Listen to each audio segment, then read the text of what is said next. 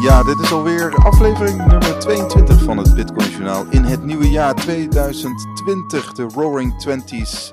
Ja, uh, Robin, ben jij het nieuwe jaar ook uh, lekker begonnen? Uh, ja, we beginnen gelijk natuurlijk met 3 januari, de Proof of Keys event, het veilig opslaan van, van je Bitcoin. Ehm, ja, ben, ben, jij daar nog bewust mee bezig of was alles al veilig opge, opgeslagen? Alles was al veilig opgeslagen dat was al. Uh, daar ben ik sinds vorig jaar wel uh, religieus mee bezig geweest. En ik heb geen uh, Bitcoin op een exchange of, bij, of ergens anders staan. Allemaal in eigen beheer. Ja, precies. En ja, met Proof of Keys wordt eigenlijk een oproep gedaan van... joh jongens, laten we op 3 januari, op de verjaardag van Bitcoin... allemaal onze Bitcoin van de beurzen afhalen. Aan de ene kant is dat sowieso goed voor de bewustwording, denk ik. Mhm. Van joh, jongens, het hoeft niet bij eh, je favoriete broker of beurs te staan. Maar je kunt het gewoon in eigen beheer nemen, zodat je niet afhankelijk bent van iemand anders. Ja. En daarnaast is het een soort van kleine check op de balansen van de exchanges of de beurzen. Uh, of ze wel de bitcoin in kas hebben die ze zeggen dat ze in kas hebben. Ja, als we dit zouden doen met de huidige banken, dan zouden die banken wel een, eh, een, een probleempje hebben, denk ik. Als we dat doen, dan uh, gaan ze net zoals bijvoorbeeld in Griekenland of in Argentinië zeggen van nou, je mag nog maar zoveel geld opnemen. ja. ja En in theorie kunnen beurzen dat ook doen, hè, cryptobeurzen. Dus wat dat betreft, uh, ja, ik vind het wel een leuk, uh, leuk feestdagje eigenlijk. Maar ik ben er be niet bewust zelf mee bezig, omdat ik het altijd al doe. Ja, en, en jij doet dat via een hardware wallet, neem ik aan? ja, onder andere hoeven niet precies uit te leggen waar je Bitcoin opslaat, toch? nee, is ook zo. Nou ja, een, een hardware wallet is natuurlijk in ieder geval een, een vrij makkelijke manier om je Bitcoin op te slaan, of relatief makkelijke manier. Uh, Het gaat eigenlijk om de seeds, hè, die 24 seeds. Dat is eigenlijk je wachtwoord uh, voor je Bitcoin. Dus het apparaatje zelf, de USB-stick of de, de Ledger of Trezor, et cetera die, uh, dat is eigenlijk gewoon het, het, het, tussenliggende apparaat. Maar het gaat om die seeds natuurlijk. Die moet je uh, vooral goed opslaan. Die moet je veilig houden. En het apparaat, in het geval de hardware wallet, zorgt er dan voor dat de rest allemaal gemanaged wordt. Het enige wat je dus nodig hebt is inderdaad toegang tot je... Uh, met je private seed. Of private key moet ik zeggen. Ja, dat is het enige wat je nodig hebt op die manier. Maar ja. je kan bijvoorbeeld ook denken aan gewoon een paper wallet. Heel simpel, gewoon de private keys uitprinten een, uh, weet ik veel, een Bitcoin Core wallet downloaden. En dan kun je ook aan de slag als je dat liever hebt. Maar voor het gemak en misschien wat, uh, ja, eigenlijk vooral gemak, is een hardware wallet wel een goede optie, denk ik, ja. Ja, nou ja, het is even de vraag hè, hoe populair deze actie natuurlijk is. Het is vanuit Trace Meyer. Trace Meyer is een Amerikaanse belegger, vooral bekend als een goldbug. Hè, dus hij, hij, is vooral bekend in de goudwereld. Maar sinds enkele jaren ook een uh, vervent uh, bitcoin-belegger en uh, enthousiasteling.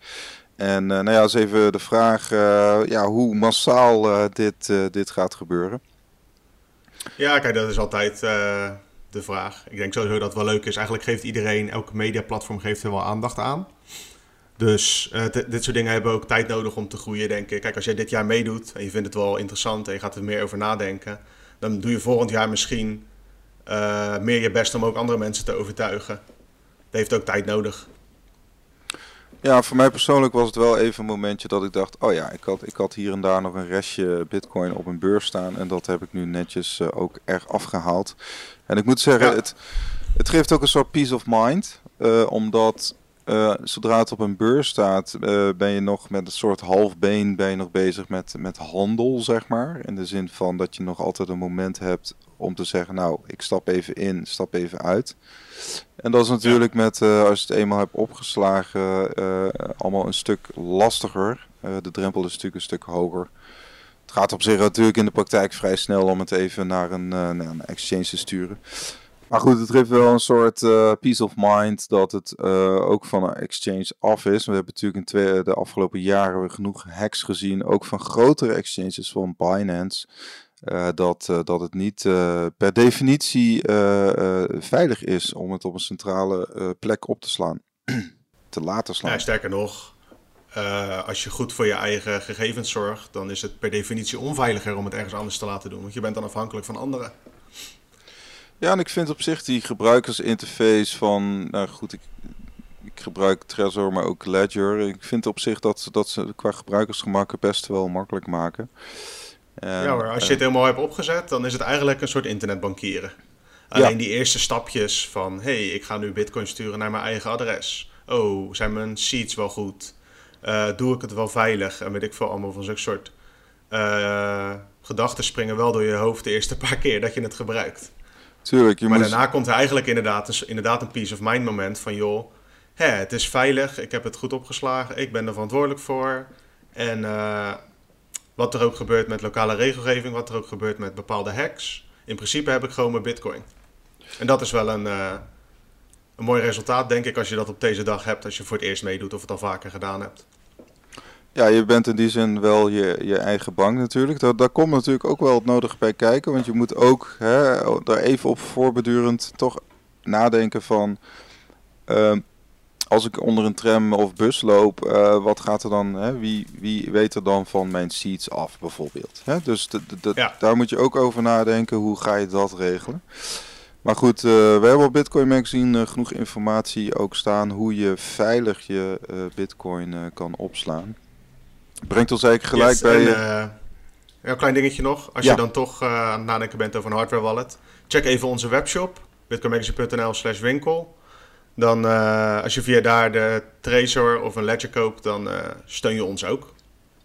Ja, en we hebben ook een CryptoTag bijvoorbeeld, dat is een Nederlands bedrijf die juist eh, er weer voor zorgt dat die seeds niet op een papiertje ergens in een kluis liggen, maar weer op een apart apparaat, wat bijvoorbeeld brand, ja, brandbestendig is. Of brandwerend Ja, je moet hebt allerlei snufjes om dat te verbeteren inderdaad. Ja, dat hebt eigenlijk ook voor wat je zei over van als er wat met je gebeurt. Eh, ik denk dat die services alleen maar groter worden wanneer bitcoin groter wordt. Er zijn nu al wel partijen die opties aanbieden. En je kunt bijvoorbeeld denken aan multisig wallets. Dat je Mhm. meerdere keys nodig hebt om het te openen, even simpel gezegd. Ja, En die verdeel je dan over, je, over bepaalde ja, nabestaanden in bijvoorbeeld je testament. Maar ja, ook daar zit nog wel een vorm van vertrouwen in natuurlijk. Ja, precies. Je hebt natuurlijk ook nog eh, BitGo en Casa die, die zelfs een hele service daaromheen eh, aanbieden eh, voor je naambestaander. En eh, Jameson Lob van Casa Node die eh, heeft onlangs eh, op Twitter heeft een heel uitgebreid onderzoek gezet over juist de apparaten waarmee je dus je seeds kunt opslaan. Hè, van een CryptoSteel tot aan, ik weet niet hoeveel, maar dat is weer een hele aparte productenlijn, eh, los van de hardware wallets. Dus het is op zich mooi om te zien dat die, ja, die, die producten zijn zich ook eh, aan het, eh, wordt ook volwassener, zeg maar, die industrie. Ja, ook logisch hè. Je, ja, hoe je het ook went of keert. Ehm, het is, als je hiervoor aan het werk bent, dan is het waarschijnlijk ook voor je nabestaanden of je naasten. En ehm, ja, als je dan je waarde aan het opslaan bent in bitcoin, allemaal super, eh, of tenminste super veilig en je hebt geen last van andere partijen. Tot op het moment dat je inderdaad wat overkomt. En dan wil je wel graag dat dat geregeld is. Dus ik denk dat we daar ook wel steeds meer services voor gaan zien. En op termijn hoop ik gewoon op goede oplossingen waar je dus geen aparte services voor nodig hebt. En als ik ze kon bedenken, dan had ik ze eh, waarschijnlijk wel gemaakt. dus daar laat ik graag een ander over. Ja, laat, jou, eh, laat jij maar lekker berichtjes stikken, toch? Inderdaad. Ehm, even En een kijken. beetje maar- lullen op een podcast. Ja, precies, precies, precies. Eh, maar goed, eh, 2020. eh, ja, we, we hadden gelijk een record te pakken, Robin, met eh, de hash rate. Eh, dat is zeg maar de, de rekenkracht van het Bitcoin-netwerk. En eh, je had eh, twee bronnen eh, gebruikt, blockchain.com, maar ook Coindance. Ze kwamen allebei wel Ja. met verschillende cijfers. Dat viel me op. Ja, allebei op wel all-time highs van de hash rate. Ja, Ehm, totale hash rate even uitgelegd trouwens, dat is makkelijk. Of tenminste makkelijk, dan is dat duidelijk. De hash rate meet hoe krachtig de hardware is voor het minen van bitcoin, even kort gezegd. En de hash rate geeft aan hoeveel keer de hashfunctie eh, van bitcoin binnen een seconde berekend kan worden. Voor het proof of eh, work netwerk. En als jij veel hashes levert, dan maak je meer kans om een blok te vinden. En in die bloks zitten beloningen zodat je gemotiveerd bent om te blijven leveren aan het netwerk. Even een korte samenvatting. Gaan Ja, we nu naar de cijfertjes. Mhm. Van eh, blockchain.com, die kwamen op hun all-time high van 118 triljoen hashes. Dus dat is 118 met, moet ik het goed zeggen, 18 nullen. Ja, Per seconde vinden die plaats. Die berekeningen. bizar. Dus 118 triljoen eh, berekeningen per, of per seconde eh, op het Bitcoin-netwerk. En eh, ja, de Coindance die kwam op 143 triljoen, dus dat is nog een stapje meer. En dat verschil zit hem erin, is dat je de totale hashrate van, van het hele netwerk is eigenlijk niet echt te meten. Je kunt individueel wel heel goed uitrekenen hoeveel een ASIC miner levert. Maar eh, om het van buitenaf allemaal te bekijken, dat is niet te doen. Dus je bent afhankelijk Ja. van gegevens eh, van voor die tijd. Of van voor het moment dat je het meet, zeg maar. Dus het, zijn, het zijn schattingen, hè? eh, ja, schattingen. Alle bloks hebben een bepaalde tijd dat ze eh, gevonden worden. Mhm. En dat gemiddelde moet 10 minuten zijn. Dat is eh, het doel van het protocol. Ja, En aan de hand van die gegevens kun je dan achterhalen van... nou, is het, eh, is het netwerk qua sterkte gegroeid? En ja, daar maken zij dus een soort van schatting van. En daarom verschilt het qua exacte aantallen wel. Maar je ziet duidelijk een trend omhoog bij alle cijfers van hun omtrent de hashrate. Dus Ja. dat is ja, positief nieuws. Het netwerk wordt veiliger en het blijft blijkbaar onverminderd interessant om eh, voor bepaalde ondernemers eh, om bitcoin te minen. Ja, als je, als je kijkt naar die grafieken van eh, blockchain.com, dan zie je als je kijkt naar januari 2019 en je kijkt, dan zaten we rond 40, eh, hè, 40 petahashes. En nu zitten we inderdaad al, ehm, eh, dan zitten we al op 118. Dus al bijna een verdrievoudiging zeg maar, van de rekenkracht eh, binnen een jaar. Dat is natuurlijk gigantisch. Ja, dat dus- is bizar. Zeker, eh, kijk, het heeft natuurlijk te maken met... begin vorig jaar stond de prijs relatief laag, onder de 4000 dollar. Ja, en in het midden van het jaar stond hij ineens rond, net onder de 14.000 dollar, even uit mijn hoofd. Ja, dat zorgt dus voor als, jij, als je hardware ongeveer even duur blijft en je elektriciteit, dat je eigenlijk veel meer winstmarge hebt. Dus dan wordt het interessanter om de boel aan te slingeren. En nu is de prijs eh, wel wat gedaald. Maar toch zie je dat de, de groei nu eigenlijk stagneert en kleine piekjes omhoog nog. Dus blijkbaar is de prijs voor nu eh, voor heel veel ondernemers toch interessant genoeg om eh, aan bitcoin mining te doen.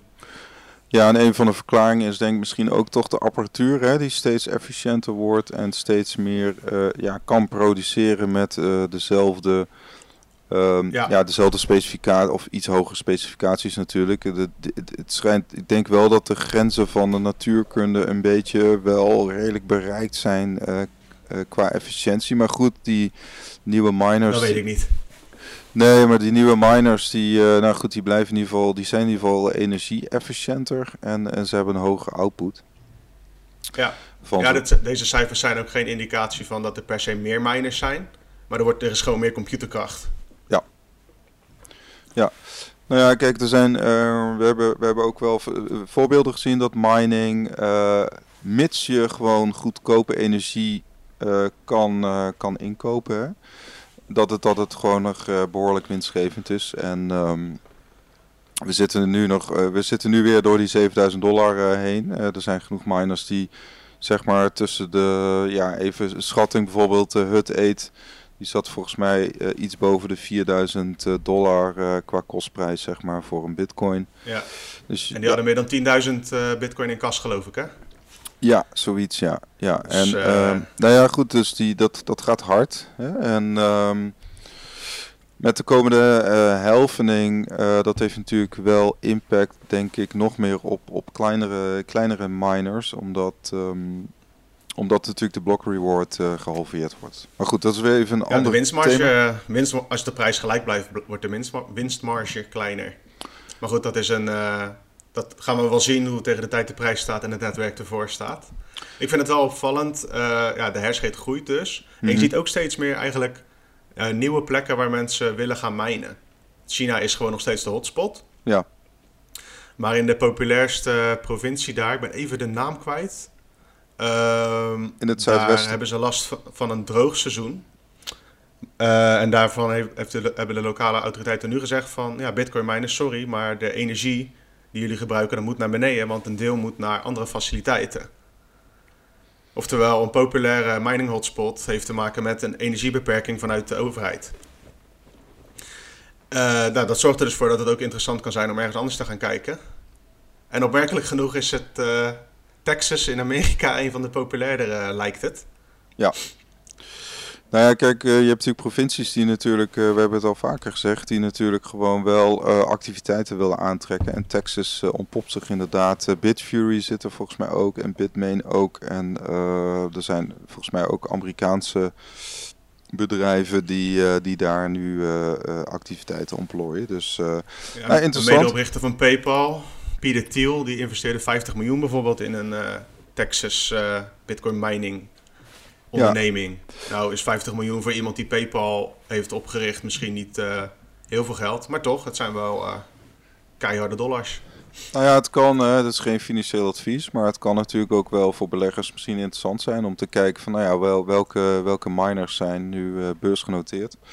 En ja. is het wellicht een optie om, om eens te kijken om een aandeel te scoren van, van Hut 8 of een Kanaan Creative. Die Kanaan Creative, dat is een Chinese concurrent, of een concurrent van Bitmain. Ja, die, die hebben wel een enorme klap gekregen op de beurs. Die staan nu even een paar maanden nu op de Nasdaq, maar die, die, de waarde van dat aandeel is behoorlijk gekelderd. Dus je moet er ook wel mee oppassen.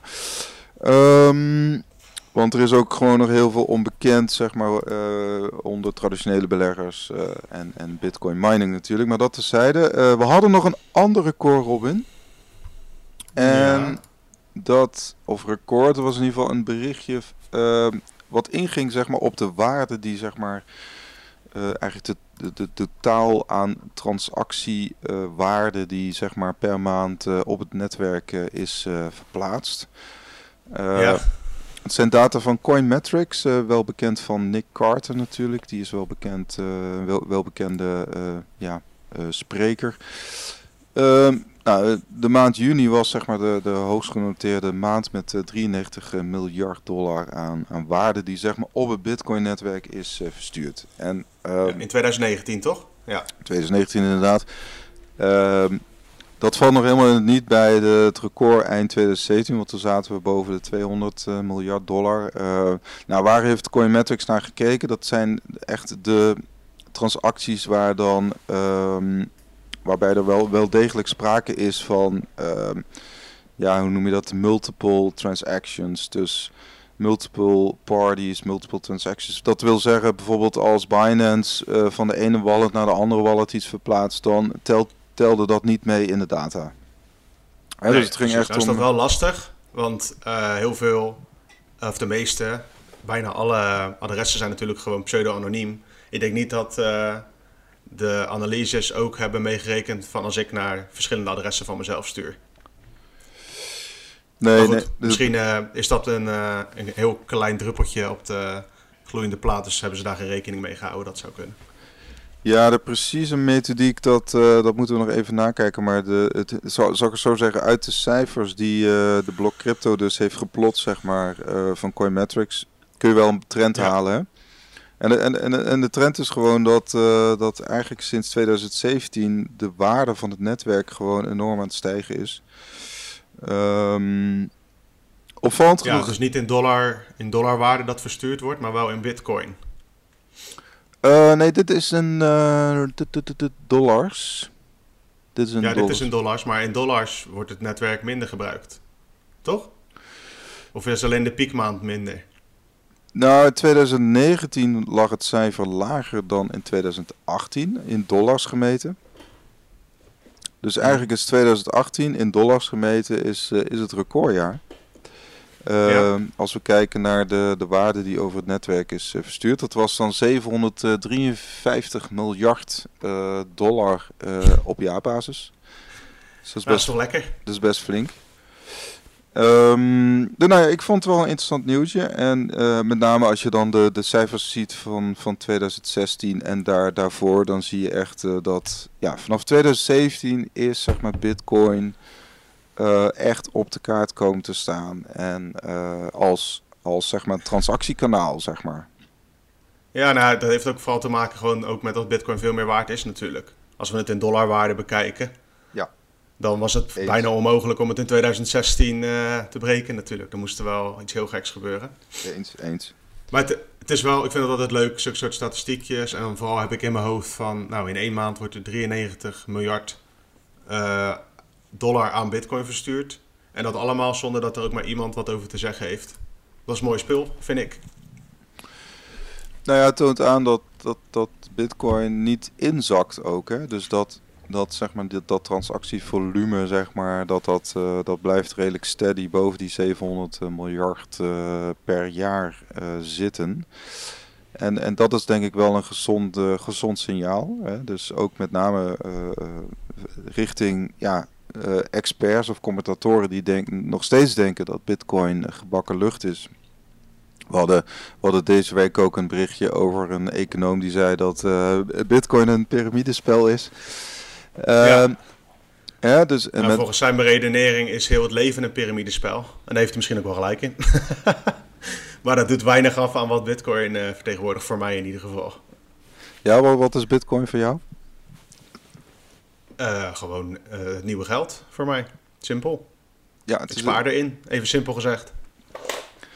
Ja, ik vond het wel mooi. Ik zag, ik weet niet wanneer het was, maar uh, Oh, Jack Mellers zei dat inderdaad. Uh, dat is een van, van Zap.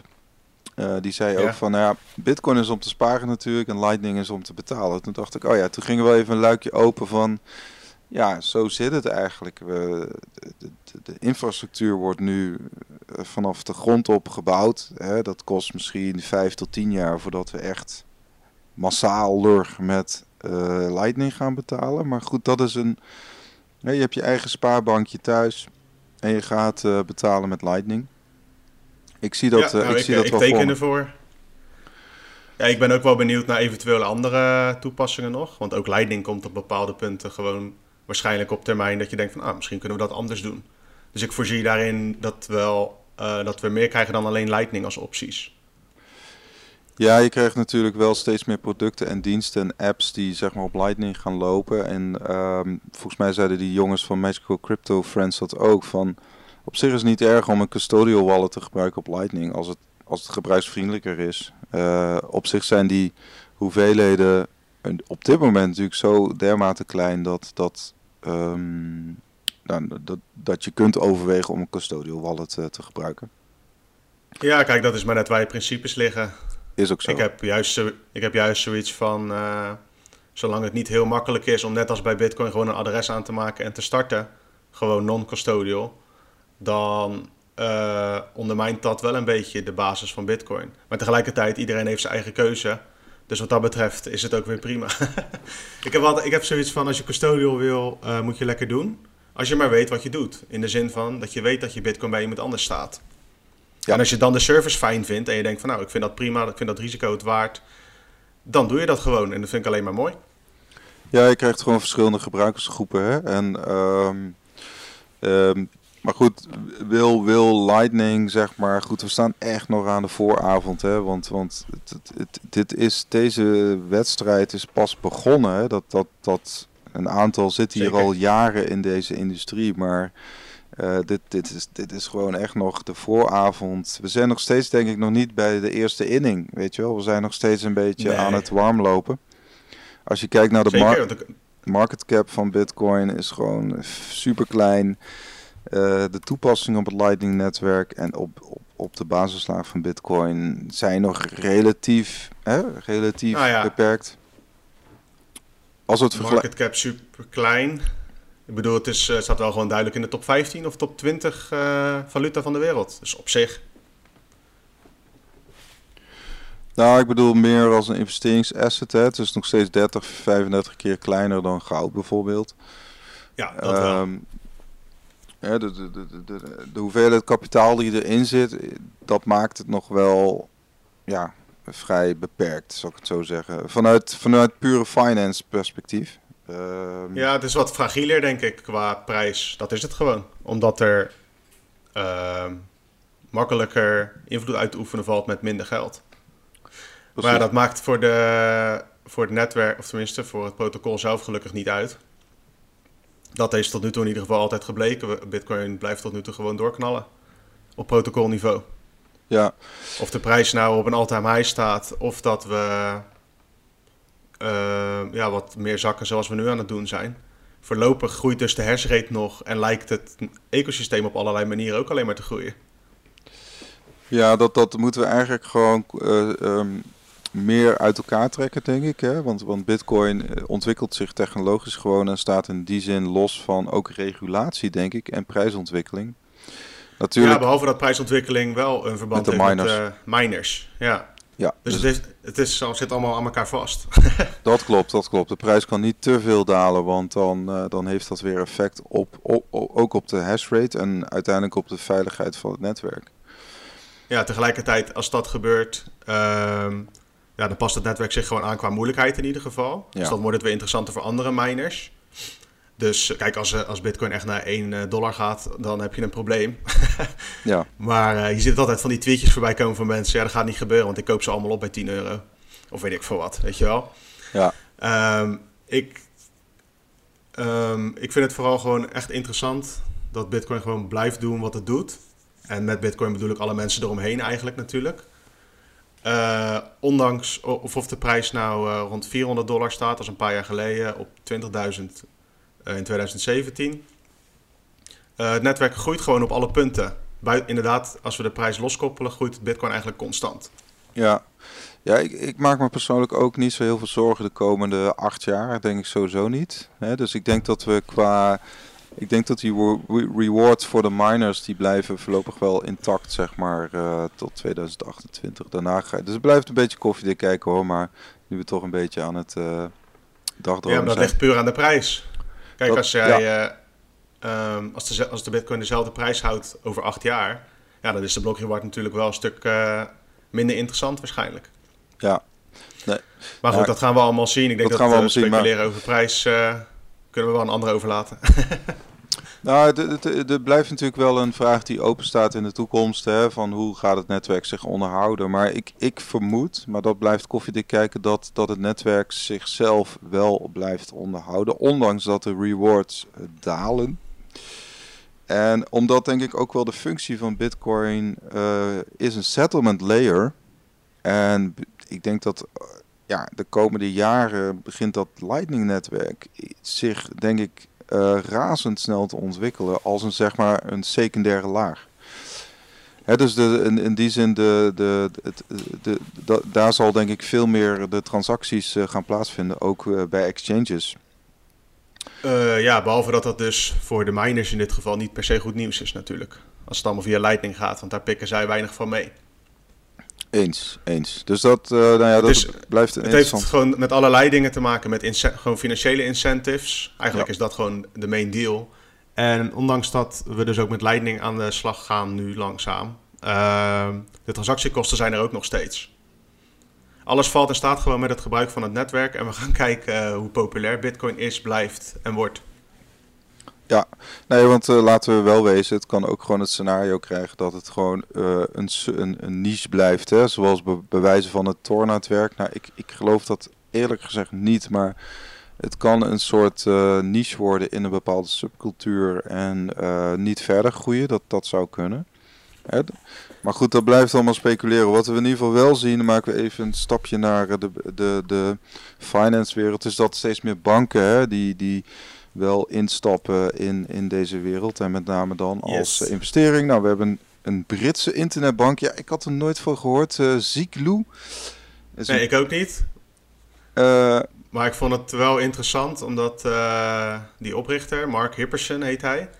Die was hoofd van technologie bij de Barclays Group. En medeoprichter van de Britse bank Starling. Ja. en dat bij ja, Barclays is gewoon een supergrote uh, partij. En Starling was eigenlijk een, uh, wat noemen ze dan, een challengerbank in, uh, in Engeland. Of in Groot-Brittannië moet ik zeggen. Een soort bunk of zo. of een soort ja, zoals Bunk is gewoon een internetbank waarin je dus geen... je hoeft niet fysiek ergens naartoe. Is, je hebt geen kantoor waar je je geld kan storten. Ze doen niet aan contant geld. Het is allemaal digitaal. En met zijn nieuwe bank gaat Hipperson... of die bank heet trouwens Ziglu. Uh, niet echt een pakkende naam, kan aan mij liggen. Nee, ik denk uh, dat gaat dat... hij uh, alleen digitale valuta dus ondersteunen. De dus naam van zijn vrouw of zo. De euro's, de pond. Ja. En ook cryptocurrencies, waaronder hoogstwaarschijnlijk bitcoin. En het interessante daaraan is dat je dus straks bij een internetbank aan de slag kunt. Op dit moment is het trouwens wel alleen voor de Britten.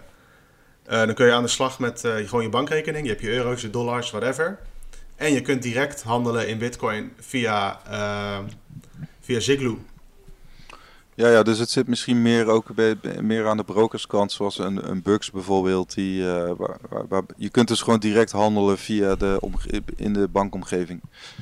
Ja, kijk, voor, tegelijkertijd heb ik zoiets van ja, op zich is dat niet zo heel interessant. Maar ik vind het vooral uh, bijzonder omdat je natuurlijk uh, vanaf 10 januari gaan we binnen Europa nieuwe financiële regeltjes krijgen. In Nederland heet het geloof ik de wet tegen het witwassen van geld en financiering van terrorismebestrijding. Ja, de WWFT. Ja. En uh, ja, dat betekent dat er duidelijkere regels zijn. Ja, dat is voor bepaalde partijen is het uh, reden om te sluiten, zoals bijvoorbeeld uh, de Lightning functie, of hoe noem je dat? Bottle, bottle, bottle pay. Bottle pay. Hoe, wat? Nee, hoe heet het ook alweer? Bottle pay, ja. inderdaad. En, en, voor de banken is het tegelijkertijd juist een ding zo van... hey, nu zijn de regels duidelijk, nu gaan we kijken of we er wat mee kunnen doen. Zoals je in Nederland ook ziet. Ja, dat is een spannende tijd hoor, ook voor Nederlandse, Nederlandse bedrijven. Hè. Nu, nu ook zeg maar Binance uh, komt met europaren, dat hebben ze vandaag aangekondigd. Uh, sterker nog, je kunt nu al met euro bitcoin kopen bij Binance. Um, dat, dat vergroot in ieder geval de concurrentie, denk ik. Um, het is niet zo dat Binance een ideal functie heeft, dat nog net niet. Maar het is wel een duidelijk signaal, um, ook richting Nederlandse brokers, dat de concurrentie toeneemt.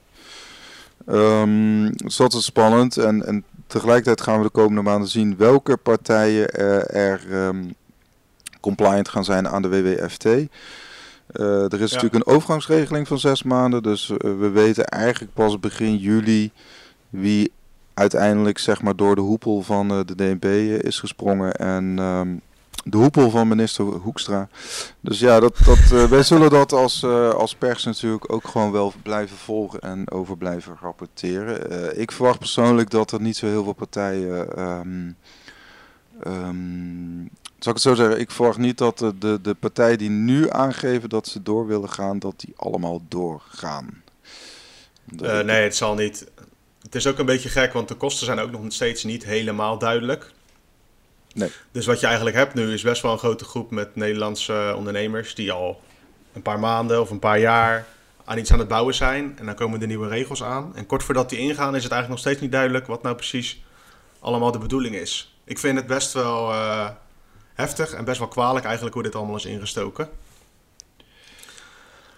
En tegelijkertijd, uh, ja, je, weet dat dit gaat gebeuren. We wisten met z'n allen van, nou, uh, op een gegeven moment komt Bitcoin een beetje in de spotlight. En dan gaan er gewoon regels worden gemaakt. Ook voor de mensen die ze aanbieden. Of met name voor mensen die het aanbieden. Ja, je krijgt een hele. Ik denk twee. Ik, ik verwacht ook. Uh, goed, dan ga ik weer koffiedik kijken. Maar ik denk 2020 staat vooral ook nog wel in het teken van regulatie. Dus ik, ik verwacht zelf dat, dat we nog behoorlijk uh, een bewogen jaar tegemoet gaan. Uh, qua, qua industrie, zou ik het zo zeggen. Uh, misschien dat dat enigszins afgeleid wordt door, door een, een, een bitcoinprijs die misschien wat gaat doen. Dat, dat staat ook allemaal überhaupt nog niet vast.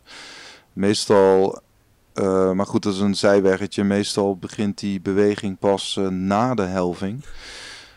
dus ik, ja, ik... ja, meestal. We hebben pas ja, we hebben twee helvings gehad, waarvan één met een hele kleine markt en één met een, ook een kleine markt. Ja. Dus ik, ik vind zeg maar van, oh, de vorige twee halvings ging het zo, dus we gaan het zo nu zien. Dat is ook een beetje te makkelijk, denk ik. Is ook zo, is ook zo. De markt doet ook gewoon wat hij wil. En uh, dus het, het hè, vorig jaar dacht iedereen ook van, vanaf september dan, uh, dan gaat uh, Bitcoin zich roeren. Nou, het was eigenlijk andersom, want het begon al in april en het eindigde eigenlijk in juni.